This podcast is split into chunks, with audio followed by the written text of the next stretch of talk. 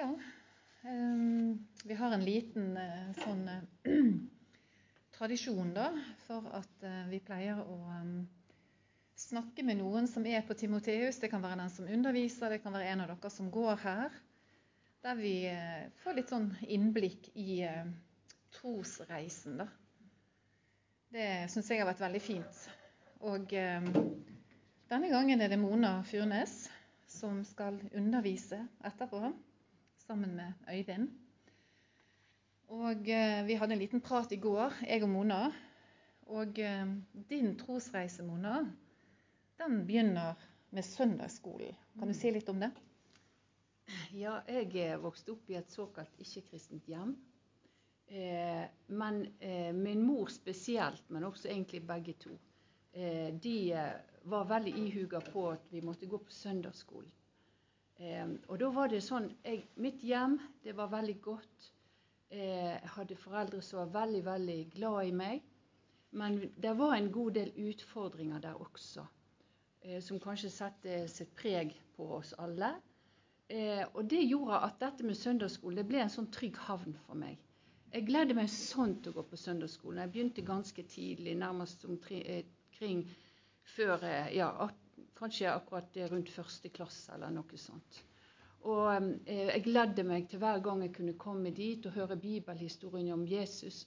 Og jeg kan ennå huske hvor trygt og godt det var eh, for meg. Så jeg er i grunnen et resultat av godt søndagsskolearbeid.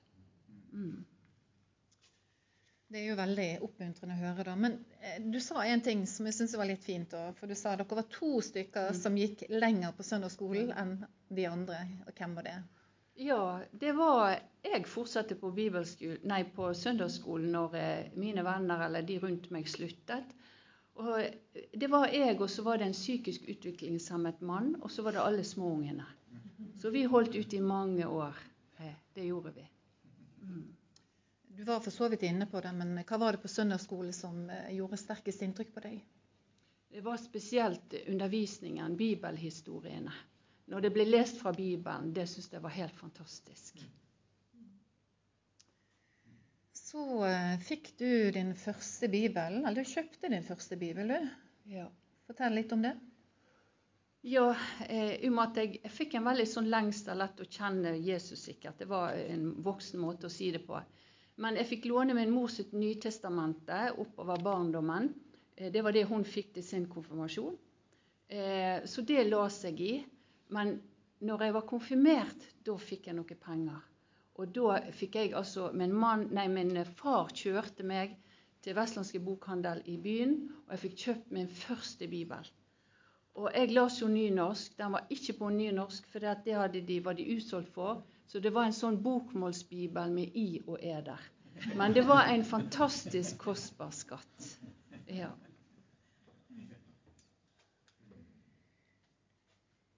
Men eh, altså, du leser i denne bibelen på egen hånd. Mm. I og er der. Mm. Eh, og likevel så opplevde du at det ble Ja, du, du hang med, liksom. Du fortsatte å lese. Ja, Eh, altså Jeg kan tilbake i min barndom huske opplevelser jeg hadde på mitt rom, rett og slett. Der jeg kunne lese i Bibelen, og jeg kjente Det var sikkert en slags barnslig bønn også. Og jeg har faktisk opplevelser der jeg følte Herren var veldig nær. Det er helt sikkert. Ja, jeg har ikke ord som kan beskrive det, men han har i grunnen vært der hele tiden. Ja, sterkt.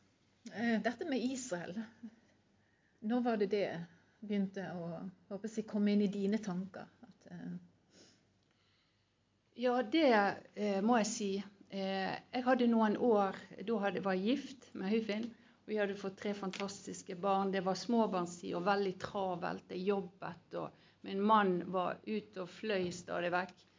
Eh, og eh, da kom jeg inn i en slags veldig sånn tørkeperiode det var veldig tungt. Jeg ble kanskje litt sånn tungsindig og sleit litt med min organiserte bibellesning.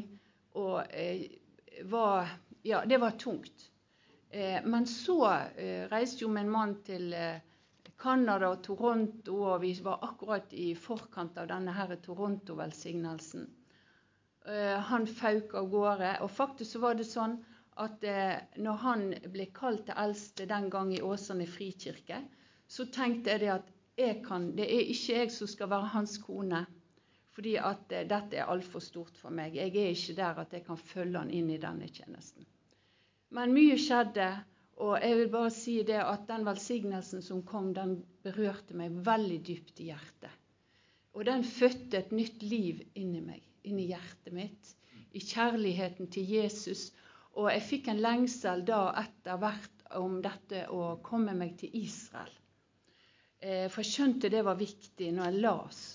Og min mann han ville jo der Jesus var i dag, så det fikk ikke så mye støtte der.